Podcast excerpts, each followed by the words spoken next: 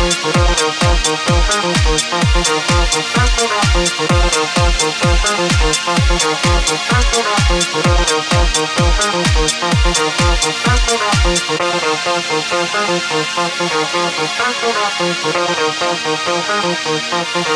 タートです。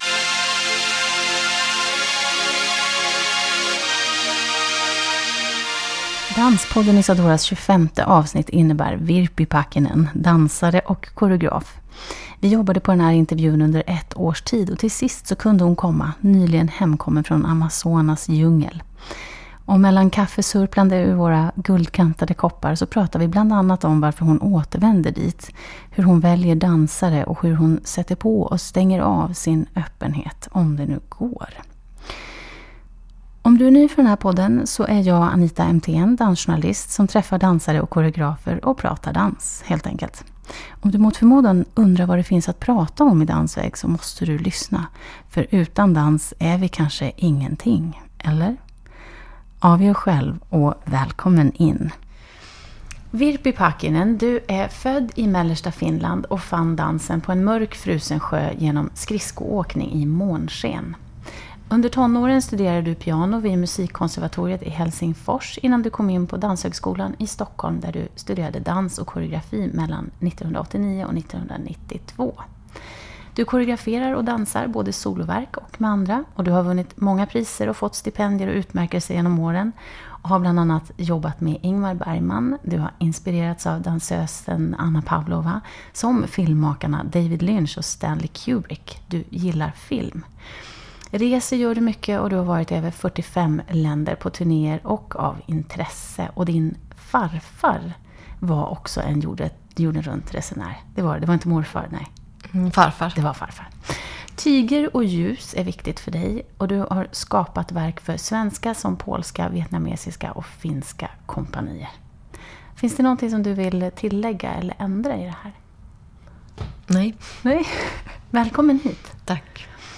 Jag börjar med en eh, superstor fråga. Hur är det att vara Virpi Pakinen? Idag. Buff. Pingpong och Men om man säger så här, varför jag ställer frågan, det är för att jag tänker att folk kanske har en uppfattning om dig, åtminstone de som, som vet vem du är. Eller så. Ja, ja. Känner du att du måste leva upp till någonting? Eh, eller, eller hur? hur? Jag, jag ser problematiken att man mytologiserar ens väsen och att man blir ett signum och man blir någon sorts... Man blir stoppad i fack till slut, även om man är ganska obestämbar som rörlig person. Fast det är inte så farligt. Jag, jag kan se det lite med glimt i ögat utifrån också. Jag har inte lidit av det egentligen. Nej. Men har det funnits Om- någon tanke eller någon plan kring hur du så vill framstå? Eller, eller är du bara... Nej, det har blivit så. Men sen, sen för, ser man ju så fördelar hur, hur vissa... Alltså att man har något signum eller att man blir igensett på grund av vissa saker. Alltså det, det finns ju också en, att man inte bara någon amöbisk anonymitet som väller fram på konstens asfaltvält. Men ser du att du har någon, ehm, mot, eller någon motsvarighet eller någon, någon som du... Någon genre eller någon del där du känner att du tillhör? Där du är en del av? Är det den samtida dansen eller är det... Forntida och framtida och samtida. Jag försöker tillhöra tidens djup. Vill du ens tillhöra någon del? Vill man eller inte så tillhör man till, Ja. till sin samtid såklart på något sätt. Men, men jo, spiraltid, rundtid, tids... Men det är inget som du i alla fall har tänkt på så här som varken problematiskt eller fördelaktigt så? Såklart, om man skulle vara liksom tidskänslig och samtidskänslig så skulle man liksom göra verk utifrån vissa trender och vissa koncept och så. Men jag, jag känner mig inte som en kameleont som vill anpassa sig till förväntningarna på det viset, utan jag måste följa min egen vind. Som Ingmar Bergman säger, följ din egen vind. egen ande. Men när det är det, vad vill du då med dina verk eller det du, det du skapar? Att publiken ska få med sig någonting som ger dem ett andligt rum. Mm. Och kanske bidrar till att bilda de här synapserna mellan vänster och höger hjärna. Som, som jag kallar det för hjärnornas omfamning. Mm. För vi är i den här samtiden, vi är så otroligt eh, vänsterhjärnsdrivna, vilket gör livet lite fattigare på ett sätt. Mm. Mm. Hur gör vi för att komma åt den där högra delen då? Eller hur Ja, men-? Men dansen med sina komplicerade korsningar, liksom, kroppsliga korsningar, så, så också man, man förenar och bildar kontakterna på ett sätt. Mm. Och som publik, när du använder spegel, eller gör du samma rörelse med mig på något plan. Mm. Mm. Och kanske du, kanske du kan bli svettig av det, kanske du får någon fantasi igång. Ja, vad, vad vet man? Det beror på Mm. dina referenser. Mm. Och någonstans står det ju att, att dansen ska vara en sån andlig praktik för oss. Mm. Och konsten är här för att vi ska inte bli för rädda att dö. Så att det är de här stora... dansen är bra för mycket. om den är konst, om den är liksom... Det finns inslag utav andlighet och, och liknande i, i dansen för dig. Alltså jag tänker på att jag läste om att du genom dansen när du var yngre så kunde du ta dig ur de här grubblerierna. Eller du kunde få ur dig dem i alla fall. De här gudsgrubblerierna. Och på sjön där när du mötte den här ljuskulan. Precis som sa att du behöver inte tro på Gud. Nej. Och när man inte behöver så, och ser det här fantastiska ljuset så, ja, då blir det någon härlig paradox Ja. som är sanning. Alltså sådana där mening och dess antimening gör att sanningen är där. Mm. Ehm, precis, så att numera så är det att jag är närmare, Mm. närmare den biten då. Oh. Det, Man, man är så, jag vet i Sverige man är så lite oj, det luktar lite andlighet här, vad ska vi göra åt den saken? Att det finns någon sorts det sekulariserade samhället liksom. Ja, men är det skillnad bara Ja. i Finland eller märker du någon skillnad när du reser runt? Jag tänker du måste ju ta otroligt mycket intryck. Nej men till exempel i Mexiko så fattar de direkt det, det rituella inslaget eller, eller de ser metaforerna och symbolerna på ett, på ett annat sätt och väldigt naturligt. Mm. Hur ser vi på, på dansen då? Min fördom säger att här, den svenska publiken, den svenska publiken kanske ser mera så här, oh, det där var skickligt. Eller, Ja, precis. Och vilken kontroll. Alltså det är ofta man ah, vilken kontroll du har. Och då kan man säga, oh, oh, kontroll. Ja, visst. Men det ska inte vara intrycket, eller det ska inte vara det som kommer ut, att man upplever kontroll och det ska vara något härligt. Utan det ska vara något mer att hellre att man vågar titta in i något okänt område. Mm. Eller få någon sorts, oj, kan kroppen te sig så där? Och kanske det blir inte en kropp, utan det blir något annat som man, man får syn på.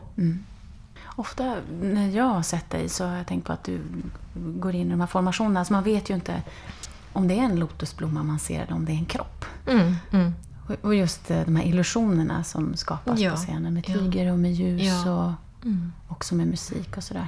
Jag, jag tänker att det är lite svårt att hitta någon annan, som jag i alla fall ser det, som, som gör det du gör.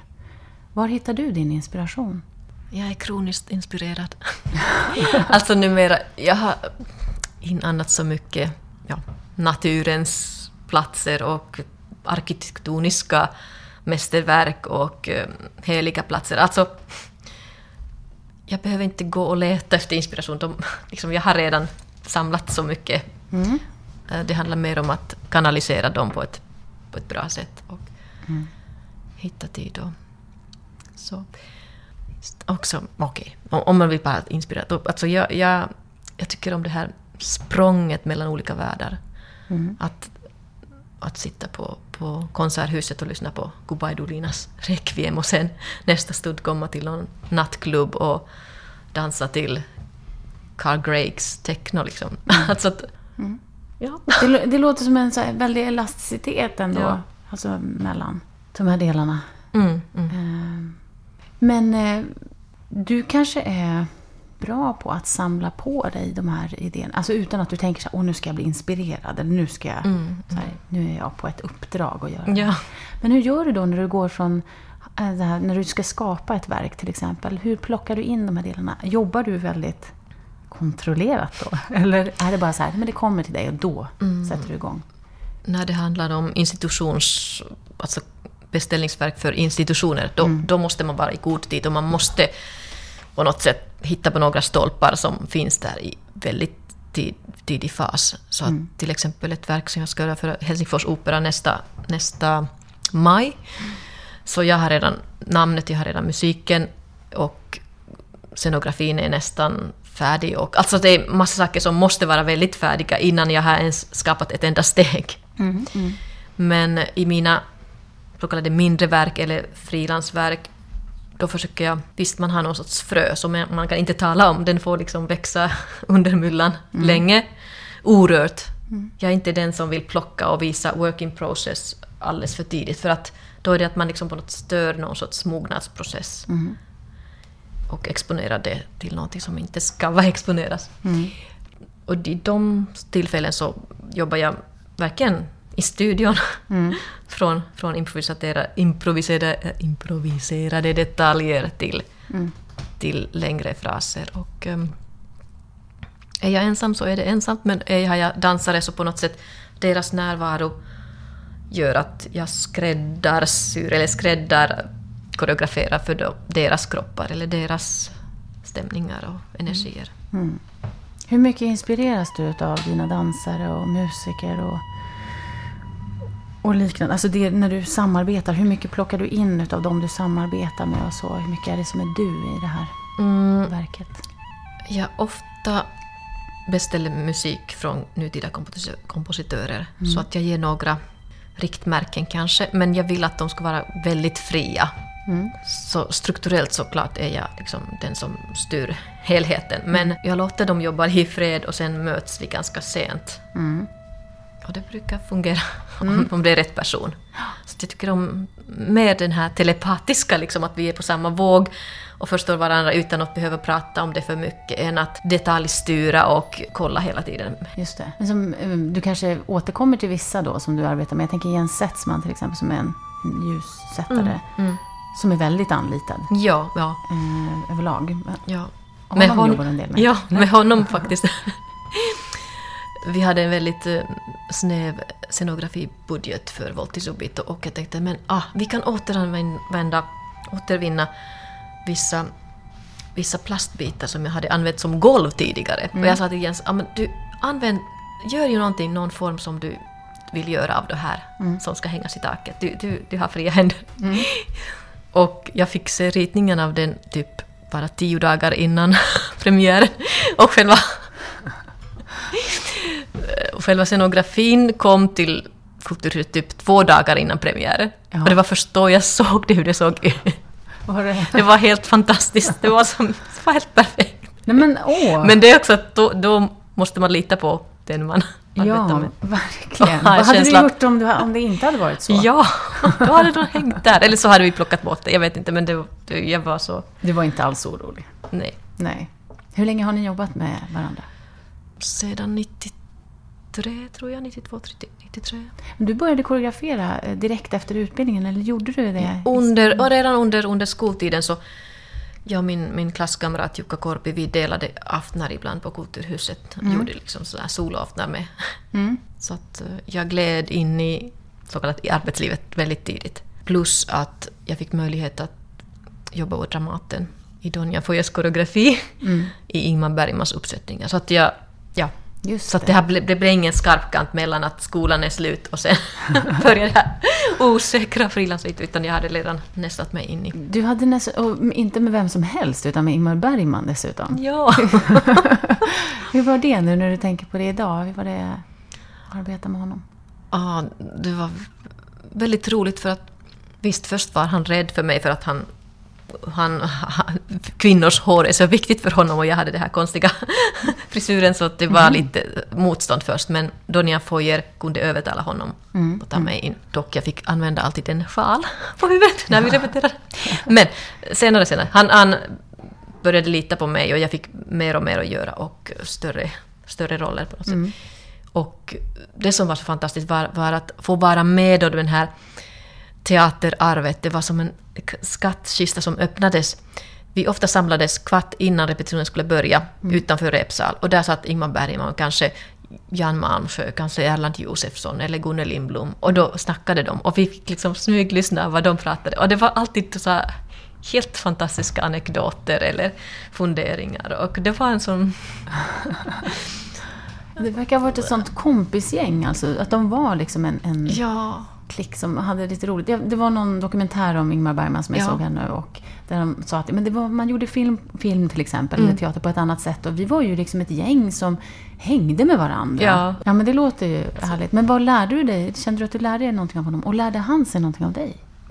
jag inte, men, men jag lärde av honom just det där vikten av de nästan osynliga detaljer. Han kunde vara mån om hur fodret på en kjol såg ut. Även om kanske det var en i, i publiken som skulle få en glimt av det. Så det var så här, det som är inuti och innanför och som ska ändå utstråla. Alltså, om du vet att du har en passande fodret till, till din kjol, alltså då, Så kommer då det ger det någonting Ja. till exempel. Och han, han är ju fantastisk med musiken. Jag, jag tröttnade aldrig på musikval han använde i till exempel Spöksonaten, Bela Bartok-musik. Ja. Det var helt... Varje gång jag stansade på scenen tänkte oj, wow, det här är så rätt. Verkligen ljuvligt. Ja. Mm, Men jag, jag fick ju mycket drömmar också. Jag såg Ingmar Bergman i drömmar på ett märkligt sätt. Mm. Så var det en gång att jag drömde att Ingmar Bergman skulle sätta upp Pippi Långstrump och ville ha mig i huvudrollen. Och jag blev så här generad och tyckte att det är pinsamt. Varför i hela världslitteraturen, varför väljer han Pippi Långstrump? Det här är ju jättegalet, det här är inte klokt. och så började vi repetera och jag, jag var inte bra i repliker, jag vet, jag, det gick inte så bra. Men han var ändå nöjd med mig av någon anledning. Och sen vaknade jag. Några veckor efter detta så ringer Sofie Ledström från Dramaten och säger att jag skulle få jobb- jobba som Donja Foyers koreografiassistent i Bakanterna. Mm. Och då skulle det betyda att jag skulle även ibland vara inhoppare till, till någon som var sjuk och ibland även hoppa in för Donja som hade en roll där. Och um, under någon av repetitionerna samlades vi på scenen och, och Ingmar Bergman bröt och sa Nej men Bakanterna var ju föregångare till Pippi Långstrump. ja? Där kom den. Vad märkligt. Det känns ändå också som, som att du har de här drömmarna, eller att du blir väldigt inspirerad och tar med dig det när du Ja. Ja. sover. Mm. Ja. Också, det var någon, någon scen där du träffar någon på Slussen, någon kompis, och börjar gå på Ja, ett visst sätt ja. och så visar det sig att han har drömt Ja. om... Om precis, jaguar och halvmänniskor. Ja. Mm. Hur, hur, hur känns det att vara så, jag vet inte, vad du är, öppen eller? är det någonting som du kan stänga på och av? Eller? Mm, precis, det är en bra fråga. För att det kan ju vara farligt eller det kan vara liksom skadande om man är för öppen. Så att, jag, jag vet inte om, han, om jag har redan en bra utvecklad teknik för detta. Men jag vet att man ska ha det om man är öppen.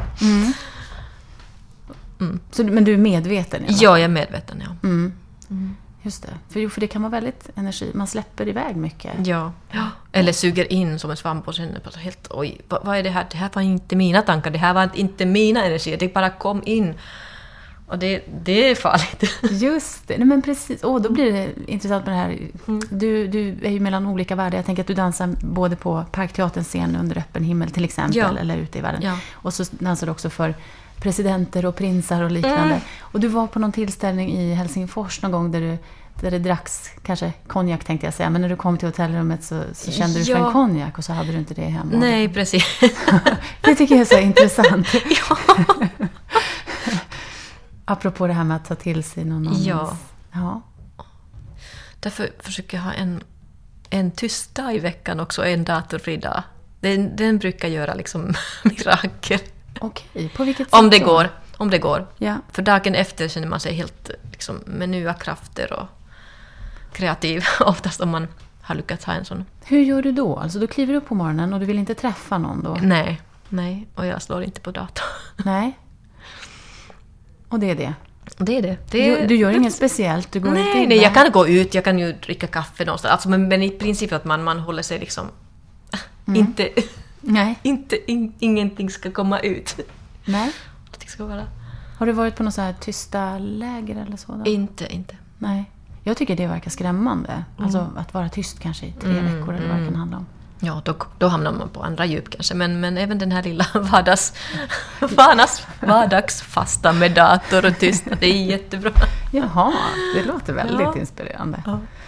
Men du reser ju en hel del och så här, när vi hade kontakt inför den här träffen, vi har haft det under något års tid, Ja. förra året så skulle det egentligen komma inte så blev det ingenting. Men nu så, så mejlade jag dig och så fick jag inte svar direkt. Ja. Och då när du sen svarade så, alltså jag menar inte att man måste svara direkt, Ja. men, men det var lite, kanske lite längre fördröjning än det brukar vara. Och då så visade det sig att du hade varit i Amazonas, Mm. djupa djungeln i Amazonas. Så då har jag fått för mig att du reser dit väldigt mycket, men det var andra gången som du var där. Ja. Vad, vad är det som gör att du återvände dit? Jag kände det gröna universums kallet som... Jag hörde alla grodor och insekter som lät så fantastiskt så jag, jag ville komma till det här ljudlandskapet. Och det är mycket krafter också i såna här miljöer där det är väldigt rikt med fauna och flora. Mm. Det är otroligt när man, när man bor på ett där flytande lodge så vet man att krokodilerna är där under och knackar på ibland. Eller så kan det vara en jaguar som simmar förbi på natten. Och sen är det de här bulldog-ansikte eh, mm, fladdermöss som fiskar runt om. Och, alltså det är ju väldigt vibrerande på ett sätt som gör att man på något sätt alltså, att man uppmärksammar saker och man, man kan inte tänka sina vanliga tankebanor utan man måste liksom... mm, Man blir kastad i en annan sorts värld. Mm. kan vara helt, alltså man känner effekterna efteråt. Det är det. Man är där helt häpen och såklart känner av kraften men, det, men särskilt de här eftereffekterna är jättespännande. Vad man bär med sig från... Mm. Vad intressant. Så känner jag om jag går ut i Nackareservatet. Jag brukar, när jag, om jag springer så brukar jag springa ofta i stadsmiljö. Så Mm. när jag springer i skog och är ute i skogen flera timmar så kanske jag inte tänker på det när jag är där. Ja. Men sen har jag med Ja. mig så mycket Ja. grönt. Och just de här små detaljerna också. Man ser de här små insekterna som går. Mm, Eller mm. ormen där, som ligger och solar sig. Precis. Och det måste ju vara, eller som du sa tidigare, en, en helt annan alltså, ljudnivå i djungeln jämfört med den svenska skogen. Mm, Magnifik, ja. Ja, men det är inte så. Känner du att man måste alltså, skydda sig när man är i djungeln? Nej, man bör bara slappna av och liksom bara hänga med på något sätt. Mm. Mm. Annars blir det väldigt jobbigt för det, det pågår hela tiden. Mm. Men det är väldigt sköna, sköna frekvenser. Det är inte så att man har någon sorts slagborr, utan Nej, det är Nej. någon sorts vibrationer. Det- Okej, så det är behagligt. Det är inte så här ett enormt skrikande, utan... Nej, ja. Nej. Finns, det kan vara de här howling monkeys. Är det vrålapor eller vad är Jo, det? Ja, de, de, de, är, de försöker skrämma oss. de är gulliga. Mm, väldigt, ja. Mm. Men du har haft värre erfarenheter i svenska skogarna än Ja. Konstigt nog. med någon bin som, som var efter dig? Ja, jag trodde att jag hade en fantastisk blåbärsstund i Nackareservatet. Och då upptäckte jag en geting på min arm och sen kom en annan och sen tredje, fjärde. Jag tänkte, va, va, varför är det så många? Och jag började springa och då kom, som i en serieteckning, man ser en svärm flyga, flyga efter någon. Mm. Då, då blev det många, många sting. Mm. Men när du reser då, eh, vad gör de här resorna med dig? Det är de här okända platserna och knuva kartor. Att det liksom hela... Man ställer sin hjärna i en ny miljö som man inte är van vid. Det, det gör alltid... Mm. Det är nyttigt. Mm. Det är inte skrämmande, utan det är intressant. Det är intressant, ja. Mm. Är du bra på att navigera då? Och hitta, hitta runt? Ja, ganska bra ja. Mm. Ja, men det är så... Fast det, det är också vitsen att gå vilse. Det är många vitsar i den. Liksom. Annars skulle man inte hitta den där. Om man har bara liksom fasta punkter att rikta sig, då kanske man missar någonting. Så det, är, det är nyttigt också att gå vilse. Mm. Men det var, jag pratade med en kompis häromdagen som, som sa att han går alltid åt motsatt håll alltså, än han egentligen borde. Mm. Alltså, fast han någonstans vet att han borde gå åt andra, så Ja. spegelvänder han det. Ja, Och sen var det någon annan som, Wow. som sa att men man navigerar geografiskt i världen Ja. på samma sätt som man navigerar inuti sig själv. Det är så man är. Det Aha, beskriver någonstans aha, ja. den man är. Men det är inte så att du går, du väljer att gå vilse eller du så struntar i om du går vilse. Du kan tänka dig att göra det. Jag kan tänka mig göra det.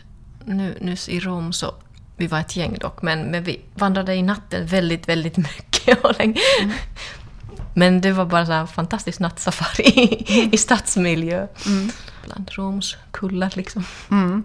Men du har inte hamnat i några farligheter och så? Ja, med det. Kanske, men egentligen inte. Nej. Nej. En gång var jag i en sån nattvandring i en stad i Mexiko. Som numera är, nu, nu skulle jag inte göra det för det har blivit väldigt farligt där. Men på den tiden var det inte helt farligt kanske. Och då såg jag en svart dörr och hörde liksom klubbmusik. Jag tänkte, men åh, är det en här hemlig klubb? Jag går och knackar på här bara. Och då hörde jag någon röst som frågade mig någonting men jag kunde inte svara. Jag visste inte vad, vad frågan var. Eh, och sen öppnades dörren och det var två vakter. Och jag bara tittar på dem och nickar och sen går in. Och det var någon sorts hemlig klubb. Ja. och från den klubben så fick jag sällskap till någon, något hus där jag såg en så helt enorm hacienda. Någon antikvitetshandlare som hade, hade efter, efterfest. Men jag kände mig trygg ändå i det sällskapet också. Mm. Så, ja, det beror på, men man måste bara ha antennerna på plats, annars är det farligt. ja, just det. Inte så här dumdristigt. Ut. Det, det känns som att jag frågar om en massa så här faror och är du inte rädd? Och, jag vet inte. Det kanske är för att för mig så är du väldigt mycket ute i, i världen och tar dig an eh, det som händer där. Eh, och det är ganska mycket. Det är ingen så här trygg kokong som du sitter i, utan du bara så här... Ja. Det är min bild av dig. Det Ja, kanske inte stämmer. du får säga så här, nej eller ja, absolut. Men min trygghet är att jag har lätt bagage och jag kan ta mig liksom vart än. Jag är inte fast vid tung materia som, som behöver jättebevakning utan just det här liksom lite mer nomadiska lätthet som kommer för, från mycket tänkande. Alltså om man ska resa så mycket som jag gjort med lätt bagage, det kräver jättemycket noggrant tänkande. Mm, mm. Men var känner du dig hemma? Åh, ehm, jag kan känna mig hemma i Mexico City, mitt i där i Zocalo alltså.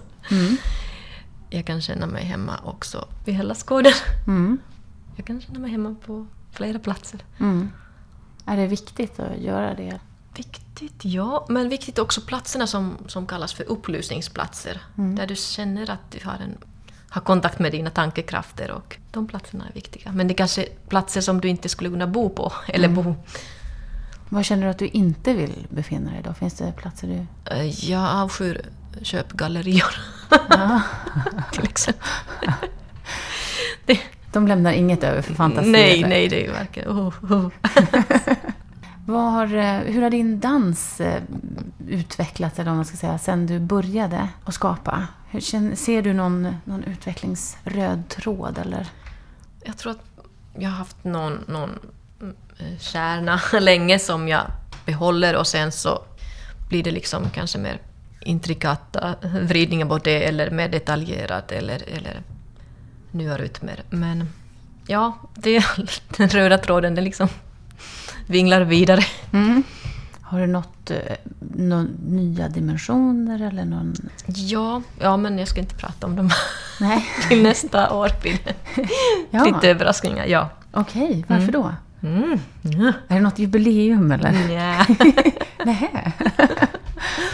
Oj, vad spännande det blev nu då. vad händer då? Men då får du komma tillbaka och berätta. ja. Är det no- kan du säga någonting om det? Nej. Ingenting Nej. alls. Är det på det privata planet? Nej, det blir, på sceniskt blir det lite tvära kast. Men, men ja. Mm. Oj, det är så här, men- du är en musikal eller något.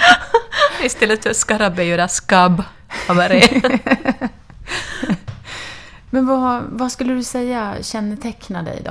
Eh, som, som person? Nej, men jag tror att jag har något poetiskt förhållningssätt till livet i det stora hela. Mm. Så dansen är ju inte det här några timmar per dag dans. Eller, att man är inte på ett jobb och, utan hela livet består av någon sorts... Att allting är med hela tiden. Mm. och du... man, man måste vara medveten mm, att allting påverkar. Ja. Allting kan ha sin verkan och vad man utsätter sig för och vad man tar sig in. Och... Mm. Ja. Betyder jag andas det? konst och ja, jag är konst. andas konst. Ja. Men jag såg ett, ett inslag med dig eh, när du var i Almedalen 2013 Mhm. på TED Talks Ja. och pratade... Ja. Ja. Ja, Ja, men ja. Jag, jag tänkte på att du bland mycket sa att eh, om du inte hade dansat, alltså om det inte var ditt Mm. kall eller vad man ska säga, så hade du engagerat dig i miljöfrågor. Mm. Är det viktigt för dig? Ja, ja. Mm. På vilket sätt då? Vad är det du ser? ja. Nyligen såg jag, eller såg jag, jag drömde om, om växter som pratade till mig och jag, jag fick så dåligt samvete. Mhm. På något sätt. Så det är... Mm, Ja? jag håller på att utveckla den här känsligheten. Men alltså, du har väl lyssnat på nyheterna när där fiskynglar börjar äta mikroplast istället för plankton och de, de blir helt passiviserade och bara drunknar i botten och blir, blir inte rädda för rovfiskar för att de har tappat sin, sin, sin, sitt väsen på något sätt. Tyvärr i danserna, om man gör det på, på scenen, så måste man använda mycket energi i form av att ljuskastare använder det. Men eh, i princip hoppas jag att det inte, jag inte bidrar med några dåliga ämnen efter dansen. Ja, Utan- ja. utan Okej, men om du återvinner och sånt där Ja, i vardagen, ja. Okej. Ja, nej men alltså, du, du skulle gärna vilja engagera dig mer i miljöarbete eller så? Mm. Om det inte hade varit så att dansen kräver Ja. mer utav dig. Men det, du ser den som ditt kall, du ser det som att den, det är någonting som, har, som är ämnat för dig att göra. Mm. Vad är det du vill berätta då med, med din dans? Jag tror att jag redan sagt vad jag vill gärna ge publiken. Tidigare så hade jag glömt det. Men jag tänker om det finns någon, någon annan del som... Alltså i den här miljöaspekten och så. Är det något, vill du att folk ska... Tyvärr, jag kan inte rädda miljön med min dans, tyvärr. Nej, men så det ser du som någonting annat? ja. Miljöaspekten Mm, där. mm. Mm. Om man ser till... Du, du pratar ju om att dansen är liksom inte någonting som är separerat från det du, liv du lever, eller vad man ska säga. Hur mycket tränar du för att uppnå det du vill uppnå med dansen? Det är liksom... Jag gör ju någonting varje dag, Mm. såklart. Men beroende på vilken, vilken fas man är. Om man är i föreställningsfas eller repetitionsfas så ökar timmarna liksom. Mm. Samtidigt som om, om jag har en väldigt tung föreställning framför mig på kvällen, då, då kan jag inte träna ihjäl mig, utan då måste jag spara krafterna. Så att det handlar också om, om mentala förberedelser, inte bara det krasst fysiska. Liksom. Nej, just det. Och det är ju också intressant just att så här, man pratar ju en del om att mycket händer i, intellektuellt, men eh, kanske att man inte, alltså i samhället i stort bara, jag tänker Ja, i danssammanhang så ja. pratar man om att man, man, vill, man, vill inte, man vill tänka bort kroppen. Mhm. Men det kan också vara tvärtom, att man blir väldigt fokuserad på kroppen och det fysiska Ja.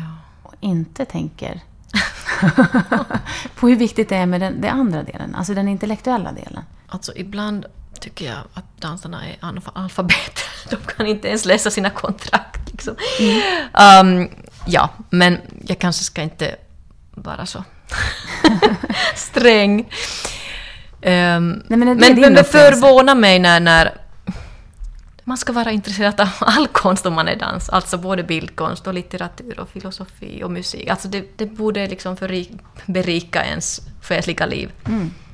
Och samtidigt som förstår jag att den här jättefokuseringen sker ju i, i vissa faser. Mm. Och då måste man stänga, stänga andra, stäng, stänga sig in i för att... Men det är en fas. Det är en Sen fas, det- ja men, men det, i stora hela måste det finnas liksom de här stretchmöjligheterna till Just det. andra områden också annars. Mm. För du uppmanade dina dansare vid något tillfälle att gå ut lite mera. Ja, vi var på en turné i Mexiko. Vi skulle spela på fem olika teatrar och där efter tredje kvällen satt vi i någon turbuss och jag, jag stod upp och bara men hej, jag tycker ni jobbar jättebra och det verkar, ni, jag älskar er och så. Men det är en sak som jag måste påminna er. Ni måste gå ut mer. Mm. Gick de ut då? Jag drog dem ut. Ja. Men det var en öppning, de var väldigt glada för det. Ja, de kanske trodde att de inte fick, eller? Ja, jag vet inte. Jag vet inte. Vilka bara, spärrar de sträng, hade. Hon går ut själv, men vi får inte ja, gå ut. just det. Just det. Mm. Ja, men umgås du så med dina dansare och så, eller är det en hierarki där du är liksom chefen och, och de...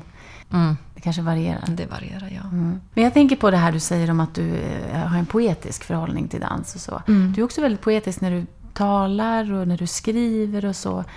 Är du litterärt intresserad? Mm, ja.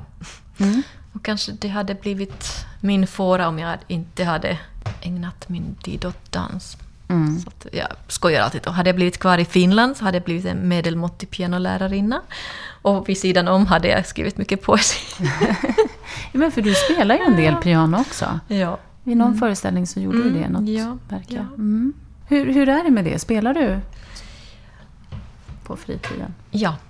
Det. Numera tycker jag om de här så kallade tråkiga skalorna. Det är också att de, de liksom masserar hjärnan och eh, den här mobiliteten i fingrarna. Jag, jag gillar att öva. Men det är inget som du så här, tänker satsa mera på? Eller? Nej, inte som det nu. Okej, nu tänker jag fråga om hur du upplever att det är att vara kvinna i den här branschen. Eller, och koreograf till exempel och dansare. Tänker du på det överhuvudtaget? Jag tänker inte det. Både, ah. Jo, så här är det. Att egentligen man borde ändå ta... Eller vara uppmärksam på det faktumet hur vissa strukturer fungerar. Mm. och, och så. Men det skulle vara förödande om jag tänkte på det för mycket, mm. tror jag. På vilket sätt då?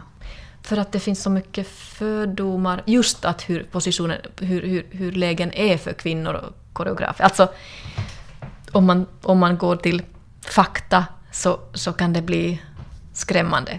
Men är det någonting, du, tänker inte på det så mycket men du är medveten om det? Ja. Är det något som påverkar dig och dina val på något sätt tror du? Nej, jag fick en rolig förfrågan. Jag kontaktades från Finland av någon som samlar gamla punkfanzines. Mm. Och då hade de hittat ett exemplar där jag var redaktör med min väninna. Och vi var 13-14 år gamla när vi hade den här tidningen som mm. var liksom mycket skoj och lite intervjuer med olika band. Och, eh, och då frågade han också att, hur, att på den tiden så var det inte många tjejer som höll på med sådana punkttidningar. Och, och hur vi tänkte då. Men vi tänkte inte alls på det. Vi, vi, liksom, vi var helt fria. Vi, det fanns inget hinder, det fanns inga, inte ens frågesättningar. Det här så kallade genusperspektivet, vad, vadå? Vi, mm. Vi var inte medvetna om det samtidigt som det fanns ingenting som hindrade oss att göra någonting. Alltså, Nej. Ja, mm. det var bara helt naturligt. Men då måste, ändå ha funnits, då måste ni ha varit i en miljö där det inte var så strikt och viktigt nej, eller, nej. eller där, man inte, där det fanns lite. Men i det stora hela i, i just den i fanzinbilden så var det verkligen att vi var undantag. och väldigt unga. ja. Men det höll ni på med ett tag? Ja, ja. och nu är den arkiverad i något så popmusikarkiv. Vad ser du att du har för utmaningar då som koreograf och dansare? Framöver nu? Varje ny verk... Alltså, man, man börjar ju från noll på ett sätt samtidigt som man börjar från hundra. Alltså man har ju mycket gjort och samtidigt som inför varje ny föreställning så är det någonting som ska bli någonting som man inte har aning om mm. än så länge.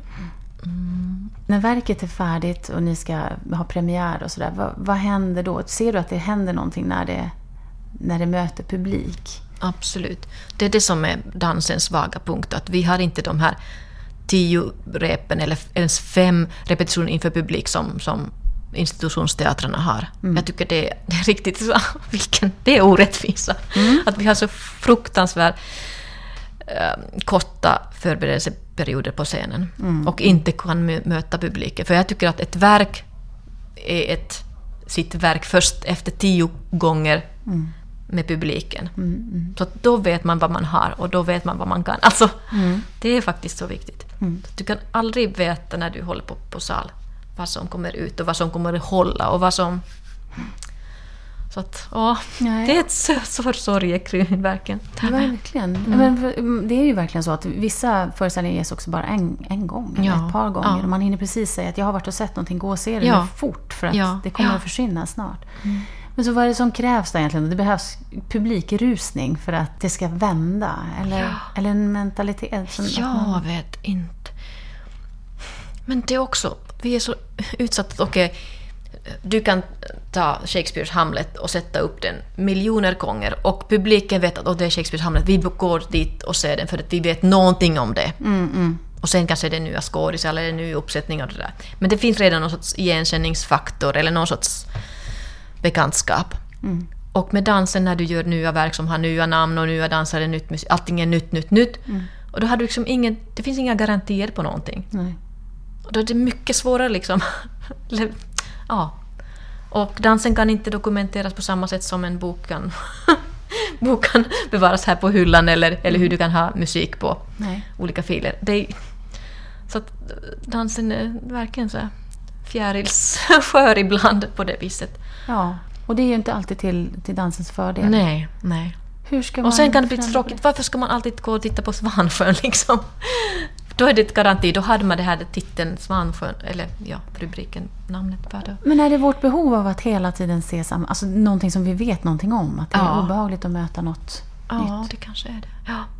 Fast konstens uppgift är just det här att man ska liksom lockas till någonting som öppnar upp en. Att man, kanske man har någon tråd som man känner igenom men, men, men den leder till någonting som kanske är okänt. Tycker. Det är en önskan. Uh, Janet Winterson beskriver så fint just art and lies om dessa saker. Ja, det är lite synd om dansen på det viset. Jo, men vad kan man Ja. göra för någonting? Alltså, vad kan publiken göra? Och vad kan dansarna och koreograferna? Vad kan beställarna göra? Vad Finns det något, som, något sätt man kan komma runt det här eller vidare? det har pratats om det, lite sån här repertoar.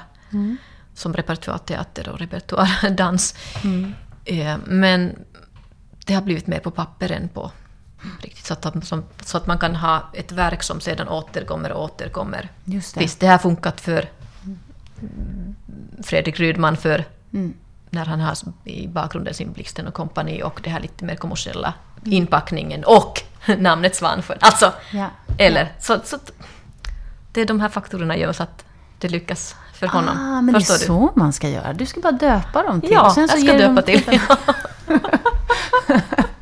jag ska döpa min nästa dans i 50 shades of Grey, eller hur? Genast så kommer ju folk. ja. Och med en massa föreställningar dessutom. ja. Så då kan det bli något helt annat. ja, nej, men det är svårare på det viset. Alltså att man inte kan förbereda sig egentligen för vad man kommer att möta. Så det måste vara en ganska modig publik som går Ja, på föreställningen. Ja. Så det är egentligen det. Vi ska uppmana folk att bli lite modigare. Så här, våga ja, möta det här några gånger i alla fall. Och inte kanske bara se Svansjön och vad det nu kan vara. Nötknäpparen och Törnrosa. Ja. Nej, men, ja, men för de, Ja. de har man ju på de här traditionella Ja. scenerna. Ja. Vad, vad känner du är en eh, fråga som du alltid får svara på? Det är vissa upprepade frågor, visst. Men nu kom jag på en, en väldigt fin fråga som jag fick under något publiksamtal, kanske det var i Umeå. Det var någon som frågade hur orkar ni repetera så många detaljer? Och svaret var att vi orkar repetera därför att det finns så många detaljer. Annars skulle vi inte orka repetera. Men också du ser detaljerna som något väldigt viktigt. Ja. Men kan man inte, kan det inte gå lite överstyr där då? Så att man bara ser detaljer till sist? För det måste ju finnas, man måste ju någonstans sätta en gräns på Ja, ja, så här. När man inte fixar med det något mer. Nej men har du någon sån? Har du någon? på den här nivån behåller vi det. Ja, men ibland handlar det om att blickens riktning som är jätteviktig i någon rörelse. Alltså det Men hur kan, är det så här, när du repeterar, eller när ni repeterar verk och så, från en dag till en annan så måste ju känslan förändras emellanåt. Kan det vara så? ja, visst. Kanske inte i beställningsverk då, men jag... Ja, visst kan det vara så. Eller att man har släppt genom fingrarna någonting som sedan måste... "Oj, nej, nej, nej, men det där stämmer ju inte precis. Att man måste... Men har det varit så någon gång att du arbetat med ett verk och sen bara så här, nej men det här går inte alls. Jag måste förkasta det. Ja, ja. Eller att jag har inte tagit upp det i repertoaren efteråt eller någonting. Visst finns det några verk som har försvunnit på vägen. Men annars så arbetar du vidare och bara gör om dem. Om dem. Mm. Vad är det för fråga som du aldrig får svara på då? Som du vill svara på? Som du skulle önska att du fick? Vad tycker du är viktigt att prata om? I det här sammanhanget till exempel nu, när vi pratar dans och... Ja, nej, nu känner jag bara, nej, nu, nu ska vi dansa. Att inte pratet får ta och... Det får inte vara där det sitter. Prata mindre och dansa mer. Mm. Men eh, när blir rörelser dans då? Eftersom vi alla har det här att förhålla oss Ja, ja, visst. Det finns de som bara gillar att liksom röra sina lemmar och de blir jätteglada och euforiska bara av liksom rytmer i kroppsdelar. Och, men det är inte konst. det är inte konst. det kan vara liksom dansterapi, det kan vara bara allmän glädje eller något sånt uttryck som... Och det är viktigt, jätteviktigt. Men när det är konst så är det att, att rörelserna bildar någon, någon slags mening eller flera meningar. Eller innehåller meningsfulla hemligheter eller ljusa gåtor. Någonting sånt. till. Men andligheten då? Eftersom vi pratade om den i början. Känner du, och du menar att man ryggar gärna för den här i, inte vet jag, Norden eller något. Eh, skulle vi behöva prata mer om det? Eller förhålla oss till Ja, det på ett annat men sätt? just nu, jag håller på att läsa en jätteintressant bok som handlar om egentligen mm, alfabet versus uh, gudinnan och den handlar om just det här vänster och högerhjärna Mm. komplexet och eh, skriften, hur skriften har påverkat oss och också gjort att kvinnorna har haft, hamnat i skymundan Mm. i historien, historiskt sett. Eh, och där var det någon, nu är, det oli, nu, nu är jag inne på några olika, olika mm, inriktningar i gnosticism och kristna religioner. Och att man vet ingenting om man inte dansar. Alltså det är ett sätt att få veta. Det är ganska vackert. Är För att vackert. kunna veta mer så måste du dansa. Men då har ju vi de här dansar aldrig nykter och liknande. Så att vi måste... Vi har en bild i alla fall av oss. Att vi kanske inte är så bekväma med att dansa alla gånger. Men det kanske är helt okej att, att inte vara helt nykter om man har dansen till detta ändamål då på. Om det är ett sätt att i alla fall komma, komma till någon någonstans. Men så alla måste dansa. Ja, vad det? Kyrkoherre, kyrkoherre Augustinus sa att vad ska änglarna göra med dig i himlen om du inte kan dansa? Åh, ja. Också fint. Ja, vad händer då? Och vad händer här på jorden om du inte kan dansa? Jag tänker att det är också, även om det långt ifrån bara är det, så är det ju också en del att lära känna en eventuell partner eller, eller någon. Bara överhuvudtaget, att man ser någon på gatan som du också... Och så här, men den där personen vill jag dansa med, eller jag vill ha honom eller henne i mitt verk. Ja. ja. Att vårt kroppsspråk är så enormt stort. Och vad gör vi med det? Vi bara kastar bort det och förhåller oss och pratar en massa. Okej, så dansa mer i alla fall. Eller våga lite mera. Mm. Och ändå läs lite grann också. Om det. det kan alltid vara bra att läsa på lite. Augustinus och liknande. Filosofi är inte så tokigt att läsa. Mm. Vad, jag frågade dig, eh, jag vet inte om jag gjorde det under det här inslaget, men eh, om hur du gör när du möter, om du möter nyutbildade dansare eller dansare som, som vill liksom nå någonstans. Vad du ger för råd till, till dem. Om de säger så här, ja men Pirpi, jag vill också resa runt. Eller jag skulle vilja dansa som du. Eller vad säger du till någon? Oftast om de är svenskar så kanske de bör söka utbildning eller söka sig utomlands. För det är alltid nyttigt att lämna sitt hemland i det syftet tror jag. Och disciplin, det, det är jätteviktigt. Alltså just det här att stretcha mellan, att våga ge sig ut och, och vara jättedisciplinerad. Det är också ett stort, alltså det är, jag tänkte säga ett språng, men alltså mellan att vara helt fri men också disciplinerad. Alltså när man Mm. arbetar. Mm, mm. Men förhålla sig relativt elastisk. Mm. Mhm. Och sen omständigheterna såklart kan göra sitt. Mm. Mm.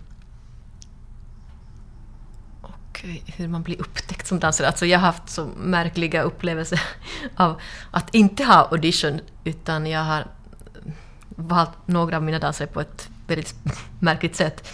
En gång såg jag en, en man gå på gatan. Mm. Jag satt på ett café så att jag hade fönstret mot gatan och bara wow, där, det där är min dansare. Jag blev alldeles Jaha. upplivad och tänkte ska jag springa efter honom och bara haffa honom och hej, hej, vem är du och vad gör du? mm. Jag hade ingen aning om han var dansare eller inte men jag bara kände på hur han gick och hans utstrålning. Mm. Och sen visade det sig att ja, några år efter att han, han var dansare. Mhm. Mm. Och sen vid ett senare tillfälle Mm. fick jag möjlighet att ha honom i mina verk. Och det Mm. var Fredrik Quinones. Ja. Det var så, jag hade bara sett honom gå där. Men, Det men var då, jättekul. ja, men då, då läser man, du läser in sånt alltså väldigt snabbt, eller du ser Ja. om det är något som du...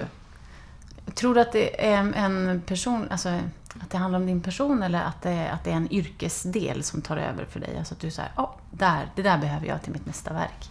Mm, ja. Ja. Ja. Någon annan gång hade jag hittat en dansare på en nattklubb. Fast jag inte, absolut inte hade någon aning om den här mannen var dansare eller inte. Men ja. sen, ja. Men vad letar du? jag, jag går på en sån magkänsla. Ja, vad, vad, vad tror du att det är du, du ser då, när du ser de här? det är någon utstrålning. Någon, Mm. Eller också någon mörkpunkt hos en person som, som gör att, att det är konsten som måste till för att kunna prata om den där. Alltså att använda sina också invaliditeter, invaliditeter som konstens kraft. Mm. För att man måste kanalisera Mm, mm, och då blir det någon sorts förfining mm, i den. Eventuellt. mm. Så, ja, det blir rådet. Så, gå hem och öva. Vad, vad gör man då om man vill se dig nu framöver? Om man nu inte vill vänta ett helt år på den här fantastiska explosionen som Nej, kommer. nej, nej. eh, Men vi ska vara på Riksteaterns turné i november. Mm. Och då är det alltså flera ställen runt i landet i alla fall. Är det via Dansnät? Ja, nej, nej, det här är Riksteatern. Mm. Ja, och då är det Södra Teatern Mm. i slutet på november, kanske 28 eller någonting. Så att det är närmast Stockholm då, Ja. Södra Teatern. Och då har jag med? mig eh, indonesiska dansaren Mugiono Casido och eh, Pontus Sundset, så att vi är tre dansare. Mm. Och det är ett nytt verk. Mm, Det är någonting som vi gjorde 2011. Mm. Men det är ett sånt där...